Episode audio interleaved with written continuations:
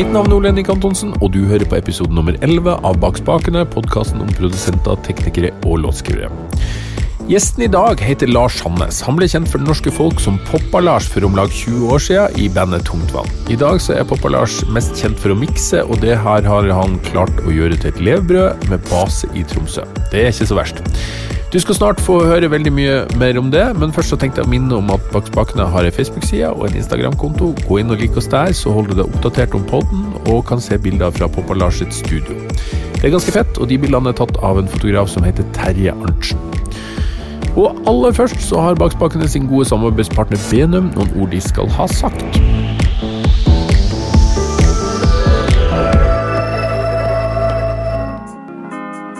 Mikrofoner fra Shore finner du i studioer og på scener i hele verden.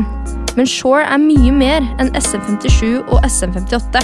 Headset og ørepropper, ribbon og kondensatormikrofoner, in-air og trådløst. Se hele utvalget fra Shore og få de beste prisene på benum.no skråstrekk bak spakene. Benum, norsk distributør av lyd- og musikkutstyr. Lars Sandnes, bedre kjent som Poppa-Lars, velkommen tilbake spakene. Takk for det. Vi er inne i en god stim her, for du er den andre nordlendingen jeg snakker med på veldig kort tid. Så Det er bra. Så, såpass, såpass må det være. Fle, fle, flest mulig på kortest mulig tid er, er mot, mottoet for mange av oss. Ikke sant. Denne her episoden er innspilt via Skype, og det er på mange måter sånn du får jobbene dine i dag. Det skal vi komme litt tilbake på, men først, du er fra Harstad. Yes. En bitte liten by nordpå. Ja, den er vel, eh, den er vel tredje største byen nordpå. er, Ja da. Er det ikke det? Etter, etter Troms og Bodø. Men ja, jeg vet ikke. Ja, det er en liten by i nord. Sør-Troms, overgangen til Nordland. Ja, for det som er at jeg kommer fra ei, i hvert fall ei bitte lita øy, da, som heter Andørja, som ligger utafor. Og eh, jeg gikk eh, Vi er like gamle, og jeg gikk på videregående i Harstad. Så jeg har alltid tenkt at det er litt sånn smått utrolig at vi aldri møttes på den tida der, fordi at det, det var det jeg mente med liten. Harstad er en by der alle kjenner Om ikke kjenner, så eh, sånn som jeg tenker på det, i hvert fall, så visste i hvert fall alle hvem alle var. Ja. Men jeg visste ikke hvem du var. Nei, jeg var jo ikke spesielt aktiv i noe form for uh, musikk eller musikantmiljø, i hvert fall. Jeg fikk jo min uh, Min musikalske oppvåkning ved inntoget av hiphop-kulturen på ja, overgangen eh, 80- til 90-tallet, da, kanskje enda litt tidligere, men da var det jo veldig, veldig barnslig. Og liksom fra interesse av tegning, graffiti spesielt kanskje da, og DJ-ing-elementet av det. Så, eh, så, så begynte jeg da å, å lære meg musikk fra den inngangsporten da, og var DJ på ungdomsklubben i Kila der jeg vokste opp, og hadde i hvert fall veldig lyst til å være DJ da på de her eh, klubbene vi hadde i Harstad på den tida. Det fikk jeg jo ikke lov til så mye, men, men, men, men, eh, men eh, ble kjent med de tilreisende DJ-ene og, og sto nå der og hang og snappa opp tips på overganger og miksing og, og musikkvalg, da. Selv om det jo da i den tida var veldig selvsagt eh, retta mot dansegulvet og ikke så sjangerspesifikt som, som jeg ble. Um, Og DJ-ing på den tida, det var mye godt snakk om å, å spille andre sine plater. Ja, og det vil jeg jo si at det er jo sånn jeg oppfatter det fortsatt. Så den der eh, overgangen fra at man kaller det en konsert når en produsent slash DJ spiller sine egne plater, den, eh, den sliter jeg jo fortsatt litt med. Så for meg er det jo definitivt å spille plate, da. og Først og fremst andre sine plater. Nå ble det jo sånn etter hvert at jeg kunne lure inn plater som jeg har vært involvert i, men det var jo noen år seinere, kan vi jo si. Ja. Men laga du musikk på den tida der sjøl, eller? Nei. Jeg var med i ei sånn her eh, datagruppe som drev og lagde demoer, som det kaltes, men eh, da var min rolle da var tegning og det å lage musikk. Så jeg, jeg, jeg hadde liksom de første tingene som jeg gjorde som var noe eget, var eh, sånn her eh, mixtapes, da, eller megamixer, hvor jeg fletta inn flest mulig låter på kortest mulig tid, og prøvde å få dem spilt på Radio Harstad. Det var vel Ja.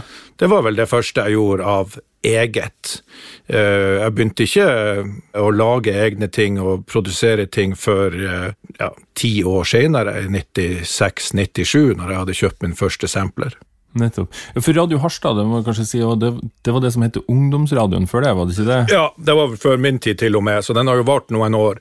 Ja, det må sies, det, det var et fantastisk tilbud der ungdom bare kunne henge inn og lage radio. Tror det er sånn fortsatt. Det? det var en eller to voksne som, eh, som styrte skuta, og så var det ungdom som kom inn og lagde alle programmene, stort sett. Så eh, jeg prøvde meg der også, uten at det var noe langvarig eller spesielt suksessrikt.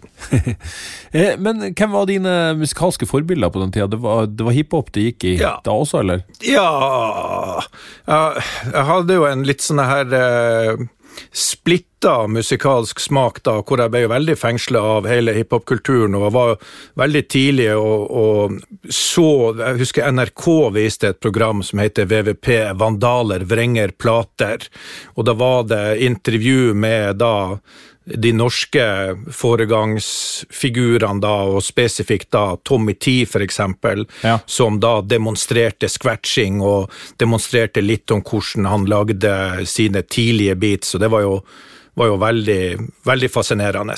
Ja. Eh, og jeg hadde en eh, morfar som drev ei elektroforretning ute i Lofoten, som jo da førte Technics. Så da fikk jeg jo eh, veldig billige Technics-platespillere, Ja. som jo er standarden egentlig fortsatt for den slags. ja. Og da var det egentlig bare å hive seg i, i treninga på det, og det her var parallelt mens jeg da gikk på ungdomsklubben og, og lærte meg å spille musikk for de andre ungdommene. Ja. Og så hadde jeg parallelt med det her en, en eh, voldsom interesse innenfor mye hardere musikk. Jeg hadde en nabo som heter Rune, som tok opp kassetter til meg med det hardeste death metalen og trashen og, punk, og punken du kunne få. Så det er liksom de to ytterpunktene som jeg har vokst opp med. da. Og Kiss, selvsagt, før det igjen. Selvsagt. Kiss. Du hadde jo det her eh, Hva det heter det? Harstad City Breakers. De er litt eldre enn oss. Jo da, kjenner jo dem, og var fascinert av dem. Eh, De var jo på TV og, og, og viste seg fram, og var, kom jo fra en turnbakgrunn, så de var Ja. jo veldig høyt oppe tidlig på da akrobatisk breakdance. Ja. Veldig eh, inspirerende. De var jo også, skal vi jo ikke oute noen, men vi får si at det at det er, at det er forelda nå, men, men de var jo også og, og malte graffiti i Harstad veldig tidlig, Ja, ja. som eh, store, Ja. fargerike produksjoner som var inspirerende for oss som kom senere. da. Ja, ikke sant. Um, men så dro du til Oslo etter hvert, eller hvordan eh, var veien videre?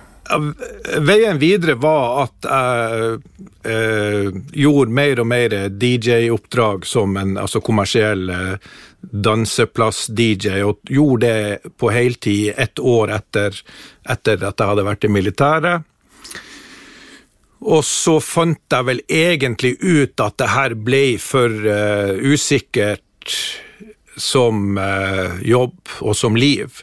Jeg så, jo, jeg så jo de da som var generasjonen over meg, som reiste rundt og knapt hadde penger fra måned til måned til å komme seg til neste plass, hvor de i mange tilfeller hadde drukket opp eh, honoraret.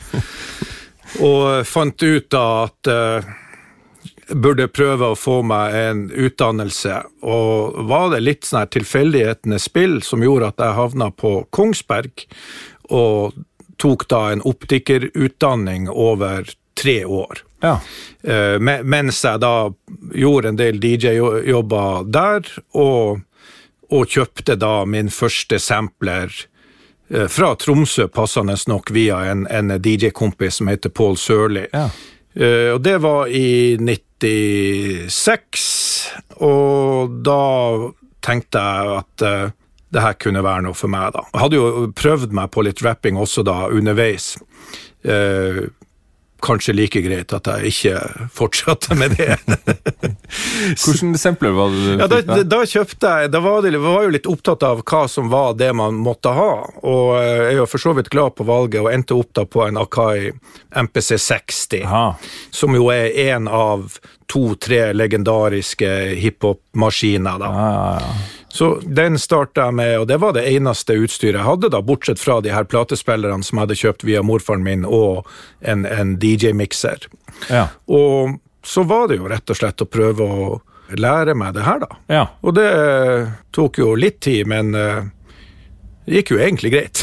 ja, det gikk jo, må jo egentlig ha gått relativt fort, hvis du starta i 96. Ja, og så var jeg ferdig utdanna i Kongsberg i eh, våren 97, og da flytta jeg til Oslo. Nettopp. Og det var jo egentlig vel så mye for å holde meg i nærheten av Kongsberg, fordi da hadde jeg jo møtt eh, hun som etter hvert ble da min fru og mor til mine barn. Ja. Hun var fra Tromsø, men hun var da to år etter meg i utdanningsløpet, så jeg måtte holde meg i nærheten da.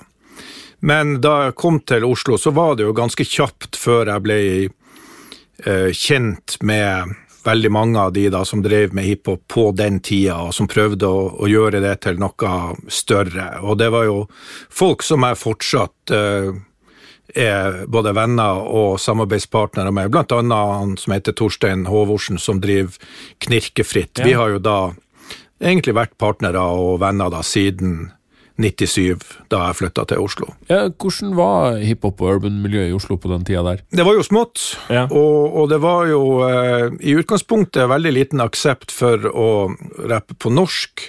Ja. Sånn at eh, i løpet av det her første året så, så drev jo jeg da og, og, lagde beats, og hadde jo en slags eh, visjon på det her at når og hvis jeg en gang skulle vise det her til noen andre enn vennegjengen, så kom det til å være i en support-setting, og da hadde ikke jeg tid til noe langvarige, stemningsfulle introer og den slags.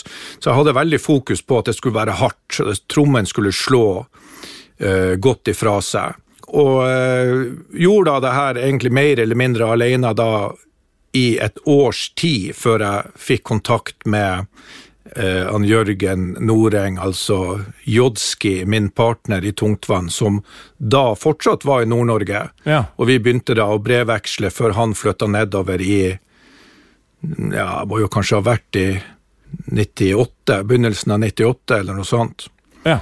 Og da var jeg allerede, og vi ble en del av miljøet som da var med folk fra hele Østlandet, selvsagt med det han nevnte, Torstein og Knirkefritt, eller de heter jo ikke det da, i sentrum, og de som etter hvert ble da til Passit Records, Julian Alexander, og som etter hvert da produsent uh, Will Idap, William Larsen, ja. som jeg jo har jobba med i seinere tid. Han måtte jo være ganske ung, da? Ja, han var, han var, han var kid. Ja. Han, var, han var veldig ung og var da etter hvert mest kjent for å være en god DJ. Han vant jo noe sånn her miksemesterskap og, og, sånt. Men det var en liten krets, og uh, vi ble nå stort sett kjent rett og slett ved å gå på konserter og gå på klubbkvelder. og og møtte da likesinnede. Var jo på alt som, som kom av rappartister til, til Oslo, da fin tid. Romantisk, man ser tilbake på yeah. det. Alle var venner, stort sett. Pionertida. Jo da. Hvordan var det i forhold til labler og plateselskap Sånn, var de noe interessert i det man holdt på med den Nei, eh, for, for vår del så ble jo det at han Jørgen kom da til eh, Oslo. Vi spilte inn demoer hos meg. Og uh, hadde vel egentlig ingen uh, visjoner rundt verken å leve av det her eller å, eller å få noe respons fra noe, noe, noe plateselskap. Det var uh, Folk reagerte veldig. Vi hadde jo en prøveperiode på engelsk. Den, ja. den var det ikke Det var ikke noe særlig respons på det. Men i det øyeblikket vi vi hadde én låt liggende på norsk ganske lenge, den som etter hvert ble til Hoda, som er med på da debut EP-en vår. Og vi merka jo det at folk reagerte veldig positivt på den. Og jeg hadde sjøl vært veldig skeptisk, fordi at det som hadde vært av rapp på norsk, det var jo tøys. Ja. I stor grad. Ståle Stil og Ja, jeg syns kanskje han har fått ufortjent mye tyn. Han var jo virkelig, var jo virkelig et barn Så, Så det var, det var vel kanskje mer liksom ute til lunsj-rapp ja, sånne, sånne ja. ting som eh, ja. Også noen tidlige forsøk. Gatas Parlament var jo veldig tidlig. Ja. Syns ikke det var noe særlig bra da i den tida. Nei. Men vi merka jo det at det var jo det egentlig folk reagerte mest positivt på. og eh, Så det ble litt sånn naturlig dragning mot det. Det ble litt gøy. Ja. Men vi holdt jo på i ja, i hvert fall et år til, da, hvor vi drev og spilte inn og lagde låter og, og lærte oss det her litt, da. Uh, før vi trykte opp reinspikka hiphop-EP-en på vinyl, og ga den ut sjøl. Og vi hadde vel, jeg tror ikke vi hadde snakka med noen bransjefolk før det. Og den slapp vi da rett før jul da i 99, og eh, siden har jeg ikke sett meg tilbake, Nei. for å si det sånn. Da, eh, det, det, hadde jo fast jobb og sånt da, og hadde jo bygd opp det her lille utstyrsparken eh, veldig gradvis og veldig minimalistisk da. Men eh, da ble vi altså oppringt av eh, flere labels, og endte jo opp da med å skrive kontrakt med EMI da, Ja, på nyår, nyåret 2000. det var fett. Ja da, og da hadde jeg, hadde jeg jobben, beholdt jobben da i et halvt års tid. Bygde meg opp en liten buffer økonomisk og tenkte at ok, nå får det bære og briste. I hvert fall villig til å teste det her en periode, og, og så får vi se hvor lenge den bufferen varer. Ja. Og siden da har ikke jeg vært ansatt noen plass. Nei. Så det er 20 år ganske nøyaktig nå når vi snakker. Det står respekt av det, altså. Ja, det var veldig basert på å lære mens du gjør. Vi eh, gjorde egentlig det meste sjøl, og, og naivt nok eh, jeg forhandla med plateselskapet, og, og det var jo veldig sånn der eh, samarbeidsprega prat. da. Vi hadde en, ANR en A&R som heter Gry, som vi oppfatta som at hun ville det beste for oss. Ja. Vi hadde egentlig god tid på EMI i, eh, i flere år, og vi ga jo ut da samme høsten Eller først kom jo Reinspikka hiphop på CD i april 2000, og solgte faktisk da til gull. Og så var det Kvartfestivalen på sommeren, og det var mye hype, og det var snakk og god, god stemning. Og så slapp vi Nord og Ned debutplata da på høsten 2000. Og enda ei- ett album der, og vi eh, havna som eh, oppvarmings- og vignettband på Åpen post Stemmer det. den samme vinteren, og det var jo kjempegøy. Ja, ja, ja. Og, og liksom bli kjent med de folkene, og hadde dem med på videoinnspilling, og det ene med det andre. og og slapp jo i hvert fall én EP til etter det også på EMI. Og så hadde vi en klausul da, som vi hadde fått snudd i kontraktsforhandlinga, at istedenfor at det automatisk gikk videre hvis vi ikke ble sagt opp da fra EMI, så hadde vi fått snudd den sånn at vi krevde å få en positiv bekreftelse på at de ville ha oss videre Ja. innen en, innen en gitt dato. Og det fikk vi ikke. De glemte det. ja. Og da sto jo vi på en måte fritt, og kom på et veldig fint tidspunkt, fordi at da var det en del sammenslåinger og en del nye sjefer, og, og eh, hun som hadde vært vår E&R slutta, og, så det var liksom et greit tidspunkt å gå videre. Men, eh, men, eh, men sånn alt i alt helt topp opplevelse med storselskap som første, første kontakt med platebransjen. ja. Og så gikk dere til eh, Christer Falk, var det det? Eller? Ja, stemmer det. Han og Frode Lia, som nå er mest kjent som fotballekspert, eh, drev jo C pluss C Records, og, Ja. og hadde jo vært fans. Så når vi, når vi takka for oss på, på EMI, så visste ikke vi hva vi skulle gjøre. Vi hadde ei plate på gang, eh, hadde ikke egentlig noe, noe plan for det, og så kom de inn da som litt sånn eh, reddende engler for oss, og med en voldsom entusiasme. Ja. Eh, Christer Falk har jo en del eh, alternative syn på markedsføring og hva som, hva som skal i media og sånt, så, så vi gikk noen runder der, men, men, eh, men der også egentlig eh, kreativt sett frie tøyler, det hadde vi, hadde vi på EMI også, og bra support, men uh, merka jo at det var et mindre maskineri. Ja. Sånn at da var det jo for eksempel eh, å leie inn folk til å gjøre promo, og da, uh, når han Jørgen uh, i, holdt på å si, sin vante stil havna i clinch med, med vedkommende promoperson, så, så var det liksom ikke så mange andre å ta av. Nei. Så da, så da ble det noen utfordringer der også. Men, men, men parallelt med det her, så hadde jo vi eget booking- og managementselskap som, eh, som vi var medeiere i, som heter Tornado. Sånn at vi, mye av de her tingene eh, gjorde vi sjøl, eller med, med våre folk, da. Nevnte Torstein og en som heter Fredrik. Ja. Så eh, vi var på C pluss C i et, to album, vel, og diverse. Og han var, du vet at de var veldig sånn, vi kunne slippe syvtommere med med obskure låttitler som Langrenn, hvor vi henta inn liksom eh, ja, masse sånn rart. Og vi trykte opp mixtapes på kontorene, hadde en sånn CD-brennemaskin som gikk varm når vi, når vi satte i gang. Så Ja. det var, det var også ei, ei fin tid. ja. Dere var jo veldig tidlig ute. Var dere først, egentlig? Når kom Klovner i kamp? Ja, det var parallelt. Eh, og med en litt annen bakgrunn enn oss. Og, og eh, vi var bekjente tidlig, men eh, var ikke venner tidlig. Nei. Eh, vi oppfatter nå dem kanskje som litt sånn finere Oslo-folk, mens vi, eh, vi gikk eh, bedre overens med litt mer Ja. rusk og rask.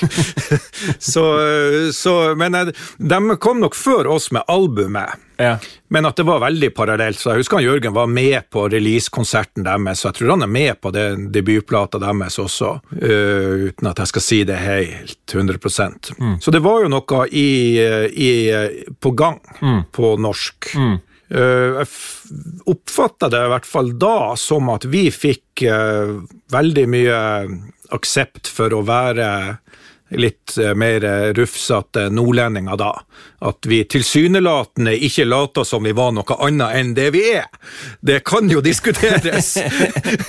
Den nordnorske forholdninga den er jo kanskje litt sånn kompatibel med hiphop. Uten at jeg er noen stor hiphoper, så, så virker det veldig genuint. ja, og vi, og vi fikk jo i, i Nord-Norge spesielt fikk vi jo en, eh, en uh, unik standing hos folk som, som ikke brydde seg om hiphop eller syntes det var teit. mm.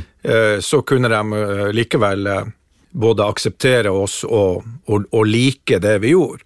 Så vi ble, Ja. jo, vi ble jo slags talsmenn for eh, en eh, nordnorsk befolkningsgruppe som kanskje ikke hadde så mange som snakka deres sak, da. Det var ikke planen vår, Nei. Uh, men, uh, men det ble litt sånn. Ja, ikke sant. Du, eh, bare produksjonen. De her skivene, de produserte du dere sjøl? Ja. Andre Det var jo min rolle, det, da. Ja. Du miksa alt og, og holdt på? Ja, det vil jo være å overdrive. uh, veldig. Fordi at den uh, Det første vi gjorde da, når vi gjorde det sjøl, altså den reinspikka hiphop som jo inkluderer ubudne gjester, som jo var gjennombruddslåten vår, så var det ingen form for miksing involvert. Eh, jeg var vel ikke spesielt klar over hva det innebar en gang. Så det her var jo spilt inn på en sånn her eh, tidlig digital opptaker som hadde da åtte eller åtte eller maks 16 spor. Jeg husker ikke, jeg tror jeg hadde den litt rimeligere varianten som hadde åtte spor. Roland VS 880 eller 840 eller noe sånt. Ja. Så da tok jeg jo opp musikken, da, eller beatsene som vi kalte det. Det var jo bare stereo ut fra MPC-en. Så i den grad jeg gjorde noe miksing, så måtte jeg gjøre det på vei inn i sampleren allerede. Ja. Og når jeg da sampla tromme eller andre lyder, og så fant jeg ut at jøss, den her skulle jo hatt litt mer topp eller litt mer bass, så måtte jeg jo da gjøre det på nytt, sample det på nytt, og så skru litt mer diskant på den DJ-mikseren som alltid gikk igjennom. Ja. Og målet var jo som sagt å få det her til å så slå hardest mulig ut fra det som jeg kunne, da. Visste jo åpenbart ikke helt hvordan jeg skulle gjøre det.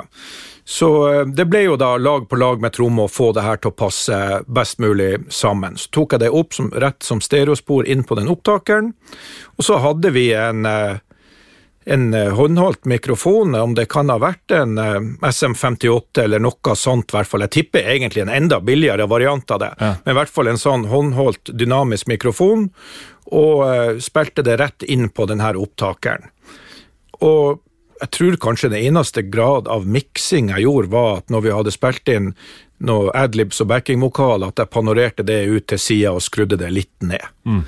Så det var egentlig Og den første EP-en, den som vi trykka sjøl, den var ikke mastra engang. Den var bare sendt sånn til trykkeriet i Tsjekkia. Ja. Den høres jo ikke spesielt bra ut. og, så, og, så, ble det da til, i, i, når den kom ut på CD, da, i april neste året, så var det en mastra hos Bjørn Engelmann i Køttingrum i Stockholm, som jeg fortsatt jobber masse med. Og da fikk han jo selvsagt opp nivået volummessig og fikk renska litt opp. Men jeg hadde ikke noe oppfatning av miks som prosess da. Nei. Men så fikk vi jo da, i den EMI-avtalen, så fikk, ble vi jo sendt opp til et eh, studio oppe i Groruddalen som heter Panser Studio, hvor vi hadde egne nøkler etter hvert og, og brukte det som våres med eh, ja, kjempekul eier da, som vi bare kalte for Bjørn, Bjørn Barabas. Yeah. Og da fikk, vi, fikk, jeg litt mer sånn gradvis eh, forståelse for prosessen, da. Yeah. Og de sendte oss til Sverige for miksing. Så da dro vi til en som heter Jonas Nordelius, og han miksa da Nord og Ned-albumet og Mørketid-albumet, eh, med unntak av noen få låter som jeg gjorde da. Ja. Og så begynte det mer og mer, da ble jeg jo mer og mer obs på den prosessen som en del av produksjonsprosessen, og lærte meg det her gradvis. Sånn at de siste tungtvannplatene så var det jo jeg som hadde hovedansvaret for miksinga også, men da gjerne med hjelp fra han uh, Chris Sansom, som, uh, som, jeg også jobber med fortsatt, ja. som nå gjør mye mastering fra Propeller. Men da henta jeg han inn som miksassistanse, da. Ja. Egentlig for å få en sånn form for kvalitetssjekk på mine ting, da. Mm. Og så har det egentlig da blitt en større og større interesse for meg.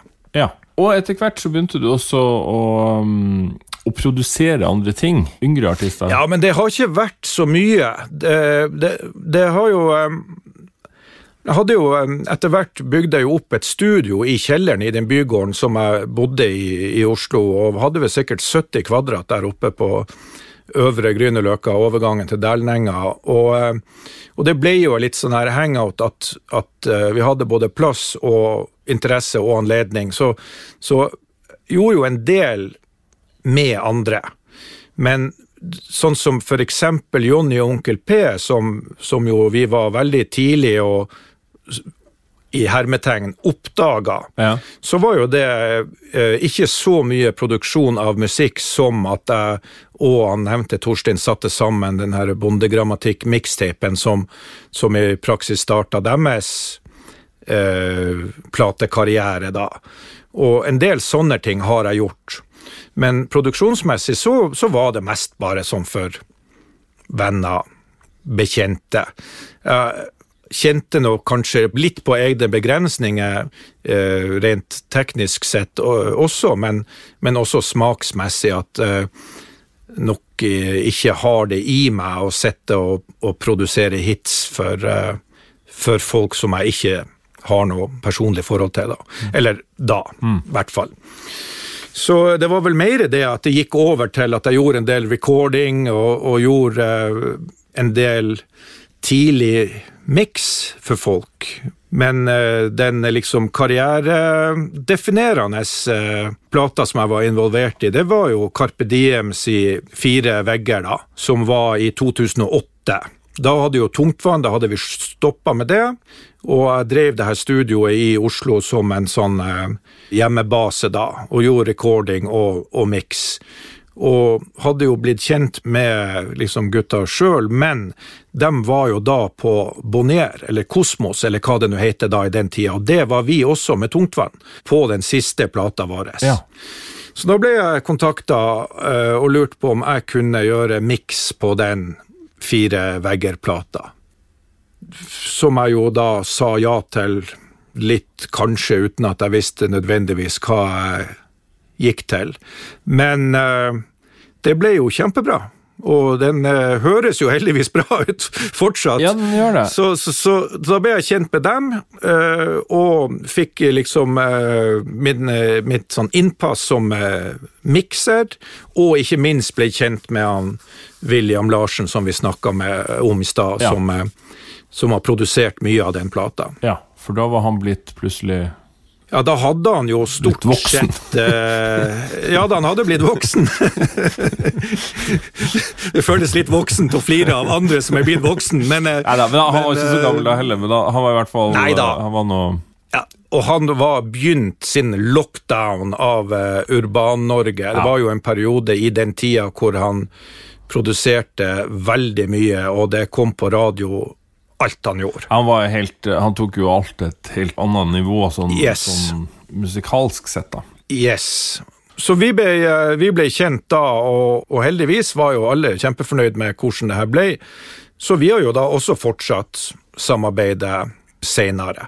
Det som var spesielt med den miksjobben som jeg gjorde da, var jo det her med graden av masterbussprosessering.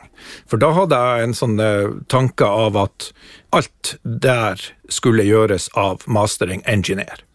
Sånn at når de fikk miksene, eh, vi spilte dem i mitt studio, det hørtes kjempebra ut, jeg kunne jo skru opp så høyt som jeg bare ville. Ja. Eh, når de fikk dem med seg hjem, så var det ikke nødvendigvis like imponerende. Spesielt ikke hvis du da satte det her på rett etter en eh, kommersielt utgitt CD. Ja. da.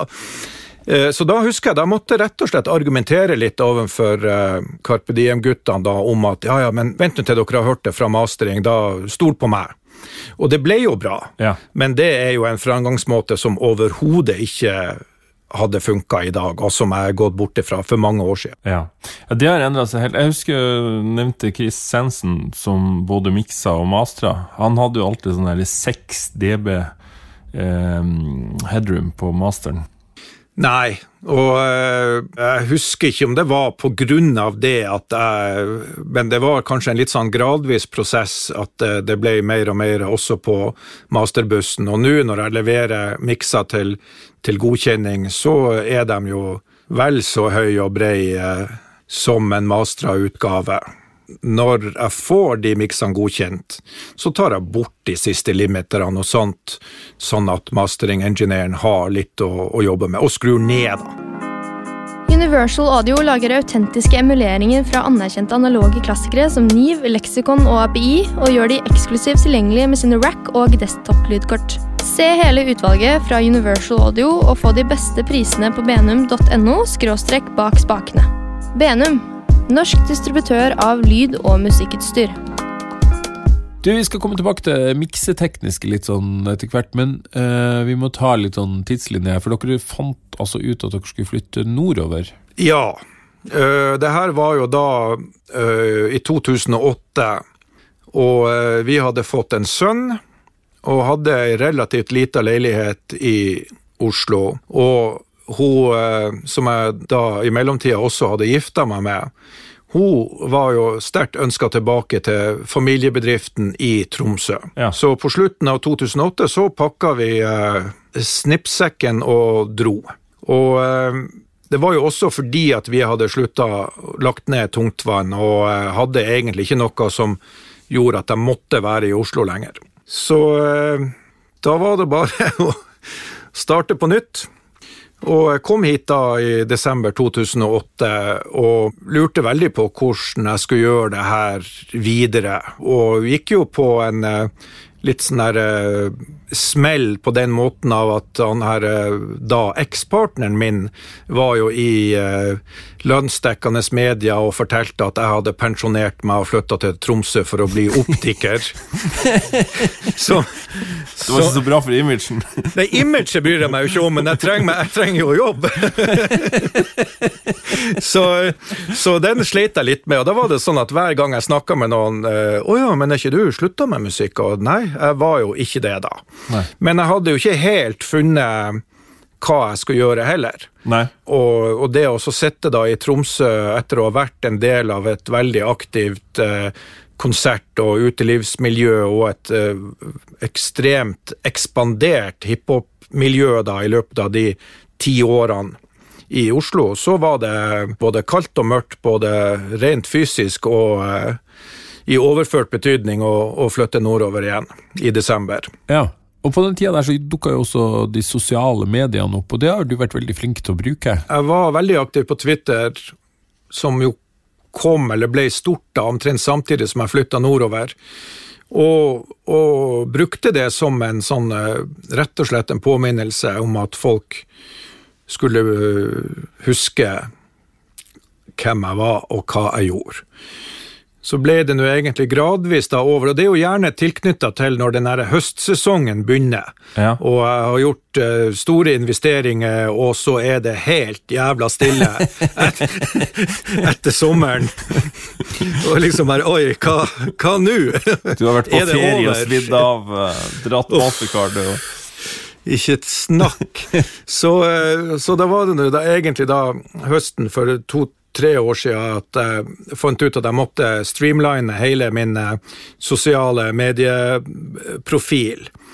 Og, eh, og bruker det nå da som eh, blogg eller huskelapper. Ja. Hvor jeg legger ut oppdateringer flere ganger i, i uka med stort sett vanlige bilder av studio og så skriver jeg litt om hva jeg har gjort. Ja, dag... Eller hva jeg gjør. I dag har jeg gjort det og det. Ja, I dag så jeg bilde av U87-en din. Skulle du snakke yes. podkast? ja da, i dag skulle jeg snakke podkast. jeg så til og med at det var noen som foreslo bak spakene, så det var Ja da, måtte, ja. ja. og da ser du, der har vi liksom det der med at jeg um, I visse tilfeller i hvert fall, eller i, som oftest, så må jeg jo være litt kryptisk. Ja. At jeg sier sjelden 'i dag mikser jeg Dagny'. Ja. Da ville jeg nok ha sagt 'i dag dag endelig fikk jeg byens popdronning ja, til Mix. Ja. Hmm, hvem kan det være? Kirsti Sparbo. yes. så, så, eh, så, så, da bruker jeg egentlig det da bare som en måte å holde uh, folk obs på hva som skjer, men også liksom få da en, en form for dialog med folk, at de mm kan kommentere og spørre. Og, ja. og eh, det, det, funker. Ja. Får mye, mye meldinger og, og, mye jobb ja. på grunn av det. Hvordan var det med studio, Fosse Studio når du kom nordover? Heldigvis eh, var jeg egentlig tildelt et eh, studiorom før jeg flytta, og ble jo egentlig mottatt med veldig sånne kommunalt åpne armer i regi av en som heter Fredrik Forsmann, ja. som, eh, som, jeg kjente da fra hans tid på Rockefeller. og De drev og dro i gang en litt sånn satsing på musikk da, i alle, alle, dens former. Så jeg fikk studiorom i et gammelt, slitent uh, tyskerbrakke, liksom, fra krigen. Men hadde, hadde sikkert 40-45 kvadrat med opptaksrom og og fant meg egentlig godt til rette der. Og så var det jo egentlig da å prøve å finne ut hvordan jeg skulle få det her til å gå rundt, da. Ja. Og eh, hadde jo ikke gitt opp den der produksjonstingen. Jeg eh, så jo for meg at jeg kunne levere beats til noen utvalgte, og jeg tenkte at jeg kunne lage litt musikk til reklame, film og teater og sånne ting. Men det ble eh, ganske kjapt fokus på mix. Ja.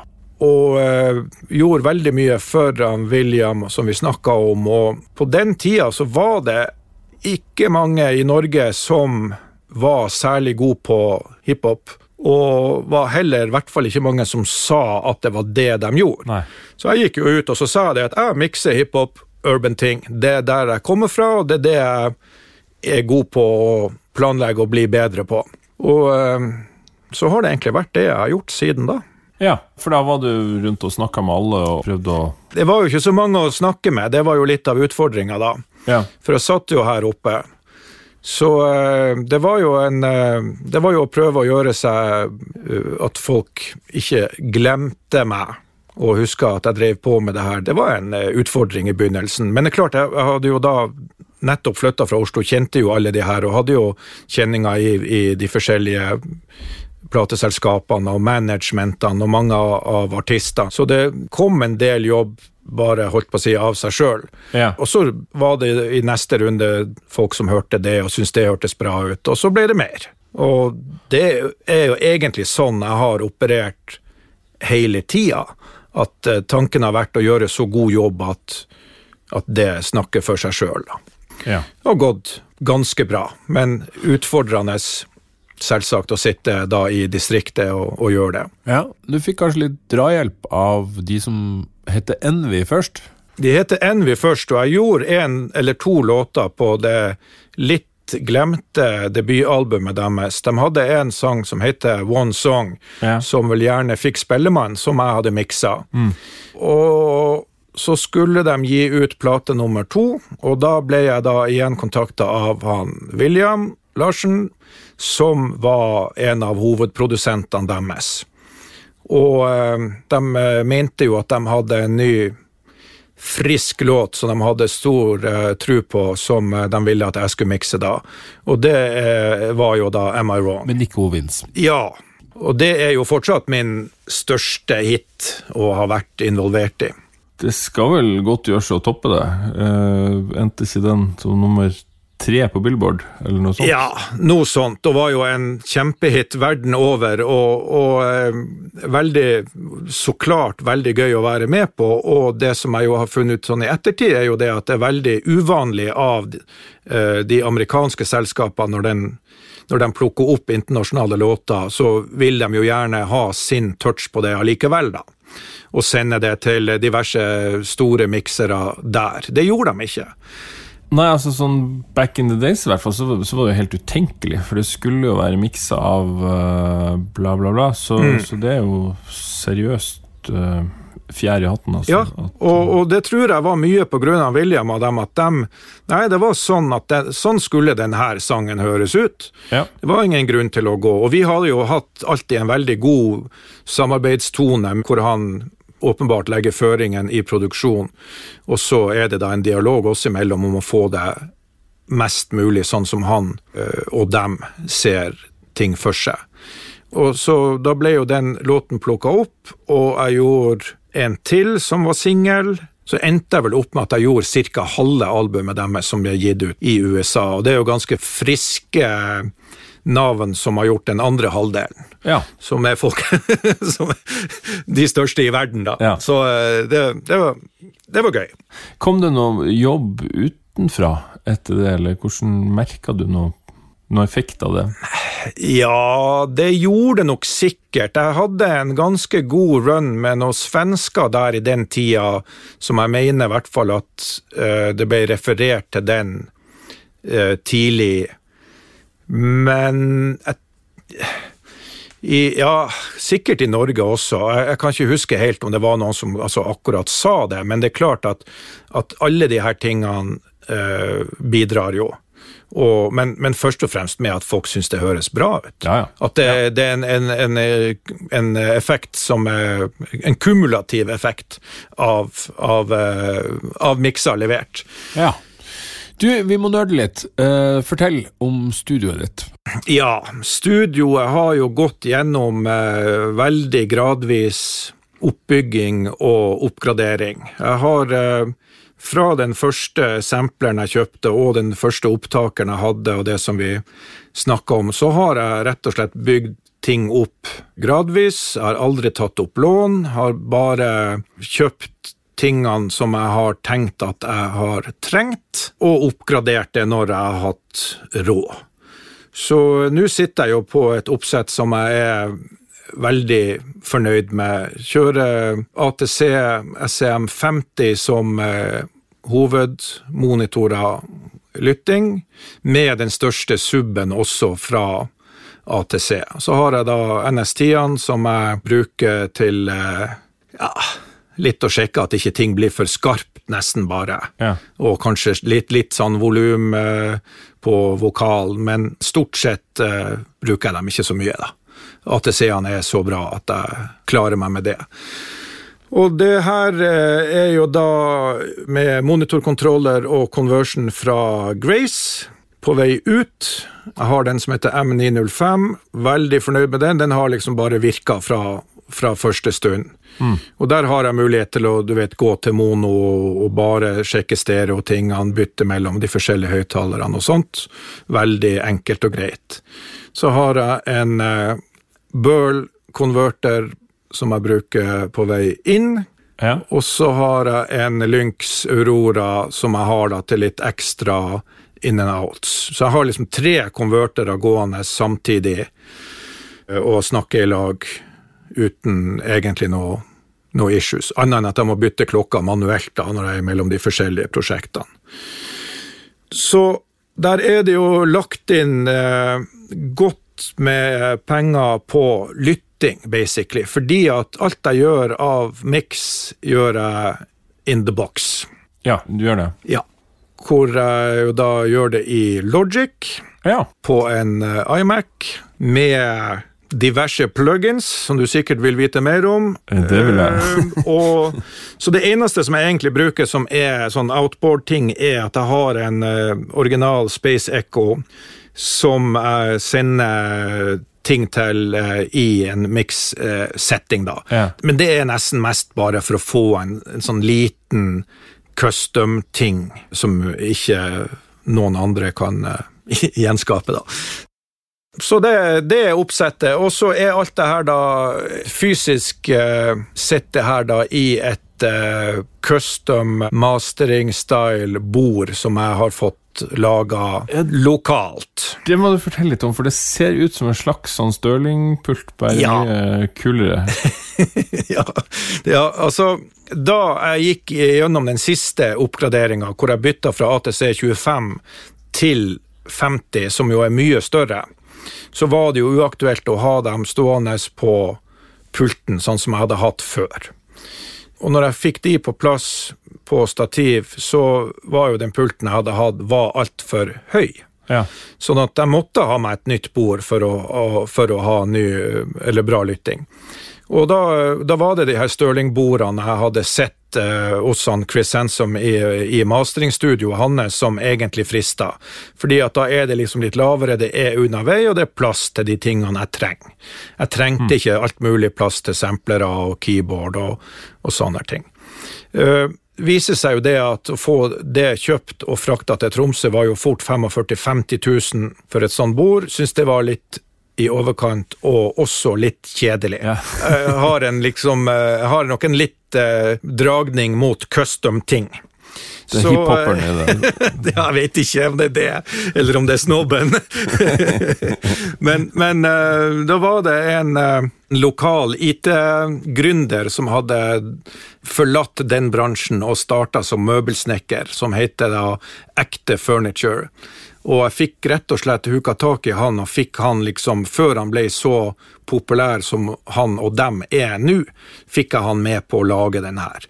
Sånn at da fant vi jo eh, inspirasjon på nettet. Men så var det da å prøve å lage den litt egen, da. Og da var det jo det, det mest iøynefallende der er jo eh, pynten, da. Ja. Uh, utsida som er reclaimed wood, eller, eller uh, rekved, som vi sier her oppe.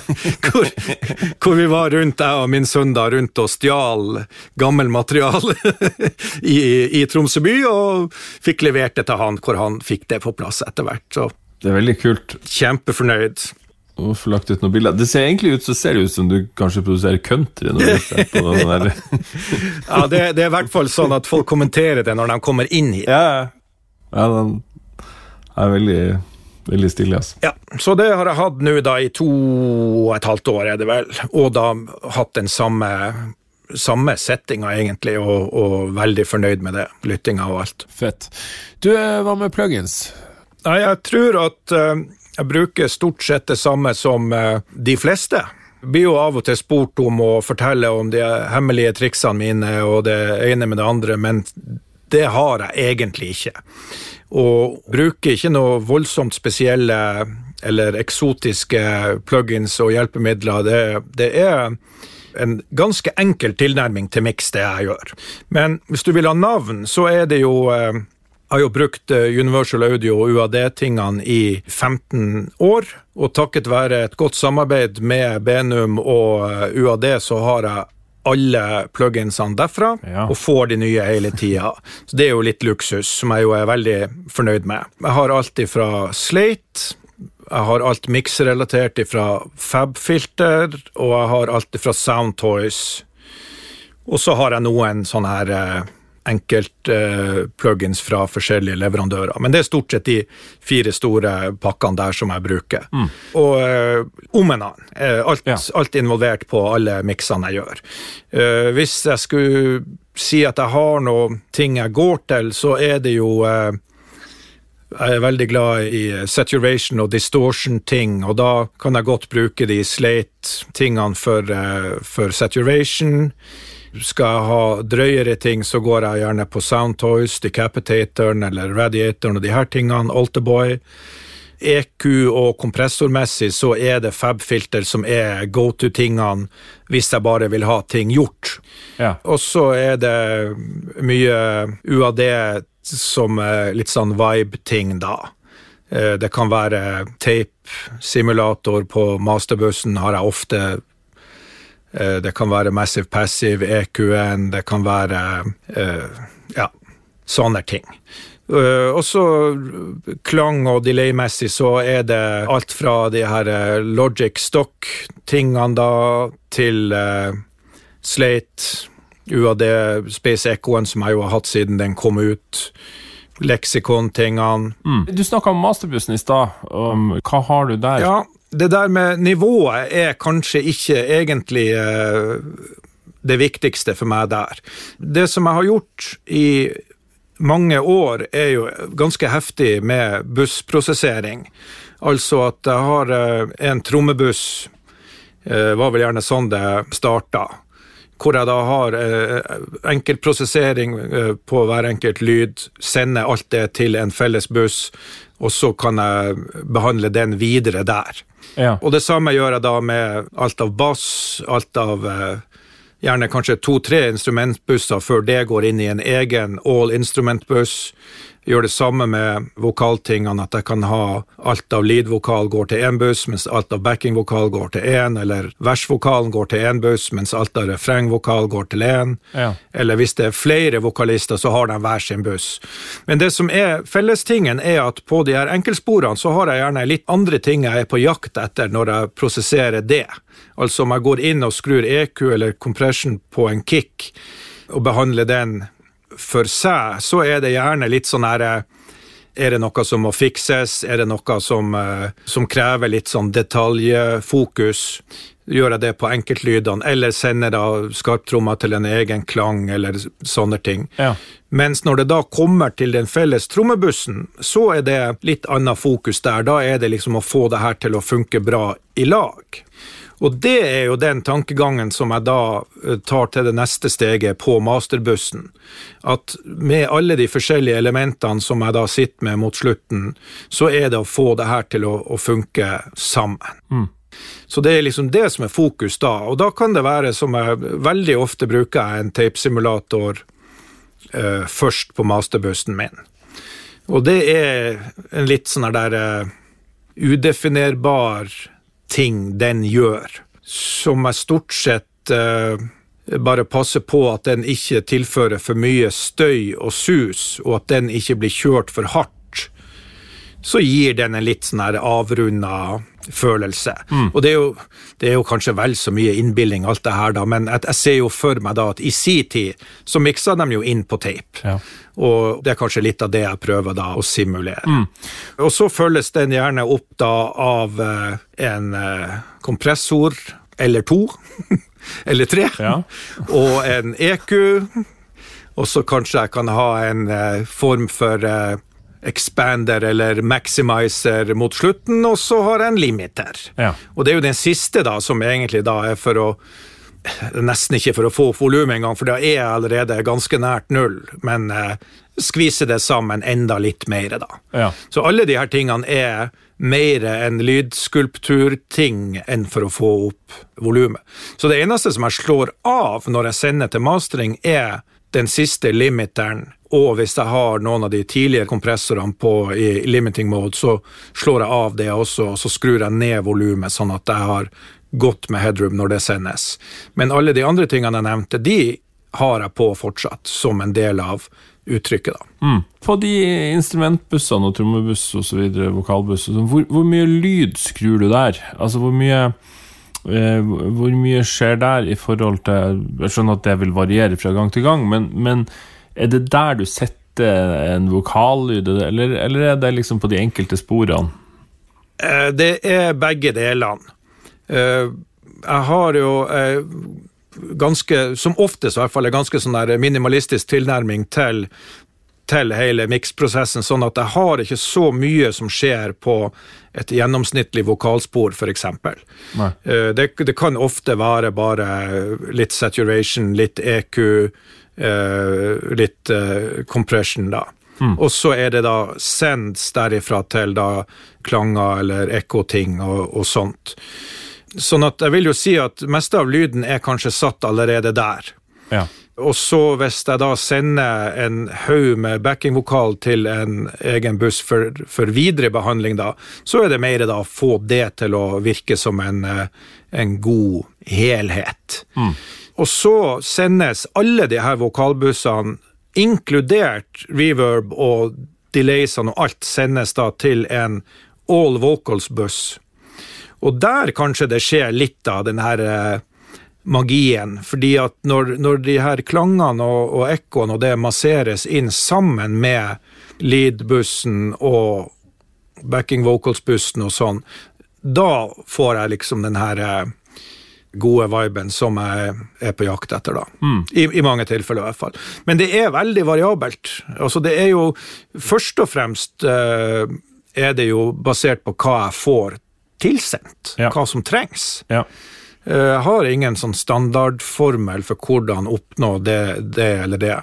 Men når du får, eh, når du får filer, du lytter da på en røffmiks og tar det derfra, eller hvordan Ja, jeg mikser som sagt i Logic, sånn at jeg får jo da filer eller stems, som det jo ofte kalles nå, eh, tilsendt, og da har jeg jo levert fra meg ei liste over hvordan det her skal gjøres. Ja, du har ei Og oppskrift. jeg har ei oppskrift som jeg sender ut, og så må jeg jo da håpe at de følger mest mulig. Men det, det, er, det er veldig basic ting, det er veldig standard ting. Ja. Men, men hovedønsket er jo da at når jeg importerer alle filene deres som er godt navngitt, sortert i riktige mapper, vedlagt BPM, key, sånne ting, ferdig tuna, jeg drar det inn i Logic og trykker play med- uten å gjøre noe, så skal det jo ideelt sett høres likt eller nært røffmiksen deres. Ja.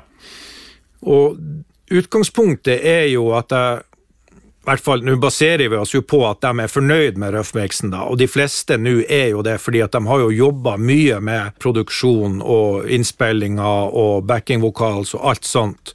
Så resonnementet vårt her nå baserer oss på at de er fornøyd med den, men de vil ha den litt bedre. Og da er det jo så klart å høre på deres eh, utgangspunkt og, og se hva jeg kan angripe for å få det enda litt bedre, da. Mm.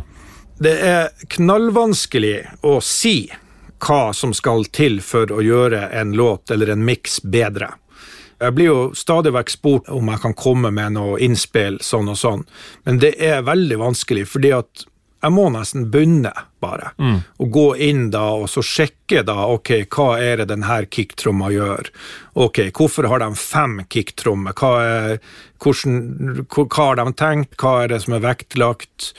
Oi, her var det liksom eh, fire basser. Så du må finne ut av hva de har tenkt, og, og hvordan jeg kan få de til å jobbe bedre sammen. Men det kan ikke jeg si før jeg begynner. Nei. Og i de tilfellene der hvor det er da i moderne musikk veldig mye bass, så er det å få de her tingene til å spille sammen i et eh, begrensa frekvensområde, da. Og eh, da går jeg inn og så ser jeg på hva er det slags elementer som jeg vil ha mer fram eller tatt bort eller redusert, og hva kan jeg gjøre for å få den her basstromma til å slå selv om det er en- to subbasser som går samtidig. Og eh, da må jeg bare prøve. Ja. Hvor lang tid bruker du vanligvis på en miks? Har du noe sånn Kan du si noe om det? Nei eh, Det kommer nesten litt an på hvor mye jeg har å gjøre. Ja. Og det varierer jo litt med sesong. Men, eh, men eh, jeg bruker i hvert fall aldri veldig kort tid. Nei. Eh, Det er jo selvsagt noen som er mer gitt hva som, hva som trengs, og at det ikke er noen grunn til å sitte og skru bare for å skru. Men sånn generelt så setter jeg av i hvert fall én dag per miks. Eh, Den dagen kan jeg godt dele i to, sånn at jeg kan gjøre start og grovmiks, eller 90% første dagen, og så gjør jeg de siste 10% neste dag. Ja. Men så, men så kan det jo ta tre dager med én runde tweaks per dag, ettersom denne låten går sin gang hos produsenter, artist, management, labels, og alle vil litt forskjellige ting, og prøve å få alt inn i en miks de kan være fornøyd med, da. Ja, hvor, hvor omfattende er de rundene med edits og tweaks? Altså, det, Utgangspunktet mitt er jo at den som jeg sender som min miks 1.0, er den som jeg gjerne ser at de bruker. Eh, da har jeg prøvd å gi deres eh, låt et, eh, en touch av min smak og min stil. Eh, og sender det, og de hører på det, og oftest er vi veldig nært. Men like oftest eh, så er det ønsker om, om eh, mindre endringer, da. Tweaks. Ja. Eh, og det kan jo variere. Det hender jo selvsagt at de er helt uenige. Men som oftest er vi ganske nært hverandre, og da kan det være eh, Ja, skulle gjerne ha hatt litt mer eh, reverb, eller litt skarpere vokal, eller kanskje den der 808 ble litt høy. Sånne ting. Jeg tror kanskje at det vanligste er at de syns at det blir litt mye bass. Ja. tar vi det litt ned, og så er vi Så er stort sett fornøyd. Ja. Når vi da kommer til min miks 1-2, så er vi jo inne på Jeg vil ikke engang kalle det for et kompromiss, det er jo mer da en, en samarbeidsting om å få ut det siste fra låten og få det mest mulig sånn som de så for seg, da.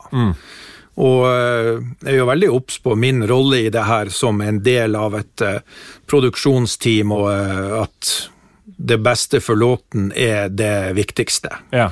Altså, det skal være bra drøyt før jeg sier at nå er det nok. Det her kan ikke jeg være med på. Det har skjedd, det også, men det er liksom én av hundre. Ja. Og da er det like greit bare å si at vet du, vi blir nok ikke enige. Nei, ikke sant. Men, eh, men som ofte så er det da én eller to eller tre runder med mindre tweaks, og så er vi enige. Og så går den til mastering, og så er alle kjempefornøyde etter det. Så bra. Ja. Mastrer du noen gang sjøl, eller er det Nei, jeg har uh, gjort det litt for venner og bekjente. Og ser jo for meg at mastering kan være en ting som jeg nok kunne tenkt meg å gjort mer av på sikt. Men enn så lenge så er jeg veldig komfortabel med å ha en, eh, en person i, som aller siste ledd som eh, både kan kvalitetssikre mitt, og komme vel da med en eventuell eh, siste justering, da. et sikkerhets... Ja, ja, det blir en sånn sikkerhetsting. Og som oftest, da, hvis jeg kan velge, da, eller hvis de spør meg om råd, så er det som oftest da nevnte Chris Sansom eller Bjørn Engelmann Ja. som, eh, som jeg anbefaler da. Og for min del så er det veldig kult å få ting tilbake og høre at ja visst, her er det enda litt bedre enn miksen min. Det er bra folk. Veldig. Du, eh, det er fremdeles hiphop urban-sjangeren du, du opererer i, eller, eller gjør du noe utafor det nå? Hvordan har det blitt etter hvert? Ja, Det var i hvert fall det som var utgangspunktet mitt, og, og min inntreden i denne delen av, av bransjen var jo at jeg kom fra den bakgrunnen og eh, hadde den estetikken eh, på plass.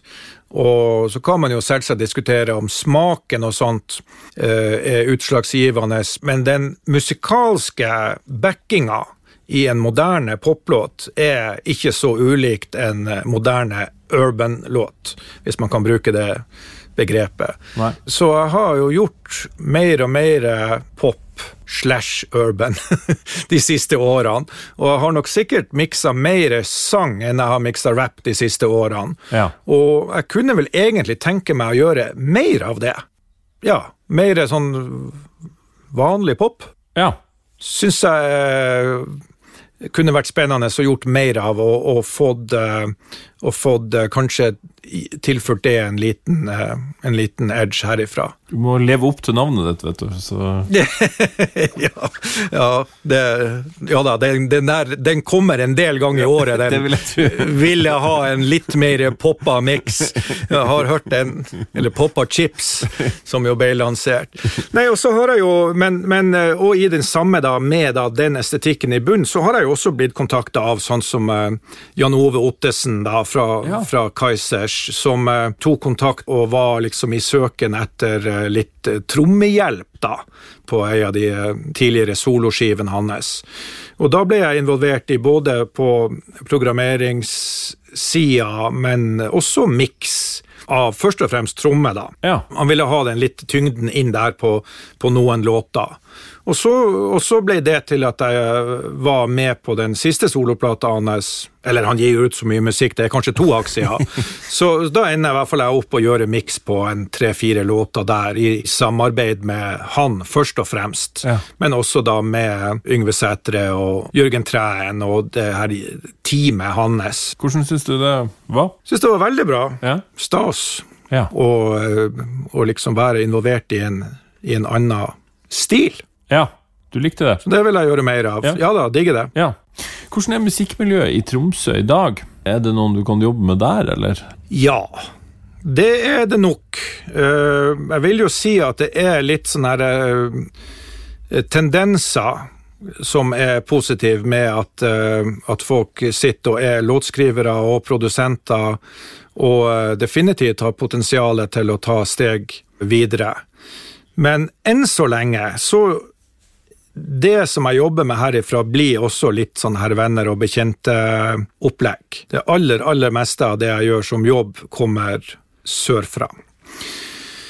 Så har vi jo selvsagt sånn som hun Dagny, da, Ja. som er jo eh, flaggskipet vårt, Ja, ja, som jo eh, vi alle er veldig stolt av. Hun kunne jeg jo godt tenkt meg å, å mikse for.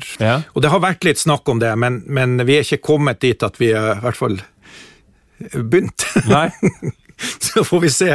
Du skal jo vel ut med en ny plate, syns jeg så noe hinting om på sosiale medier, så jeg får melde mitt eh, kandidatur Ja. her og nå. Ja, ikke sant?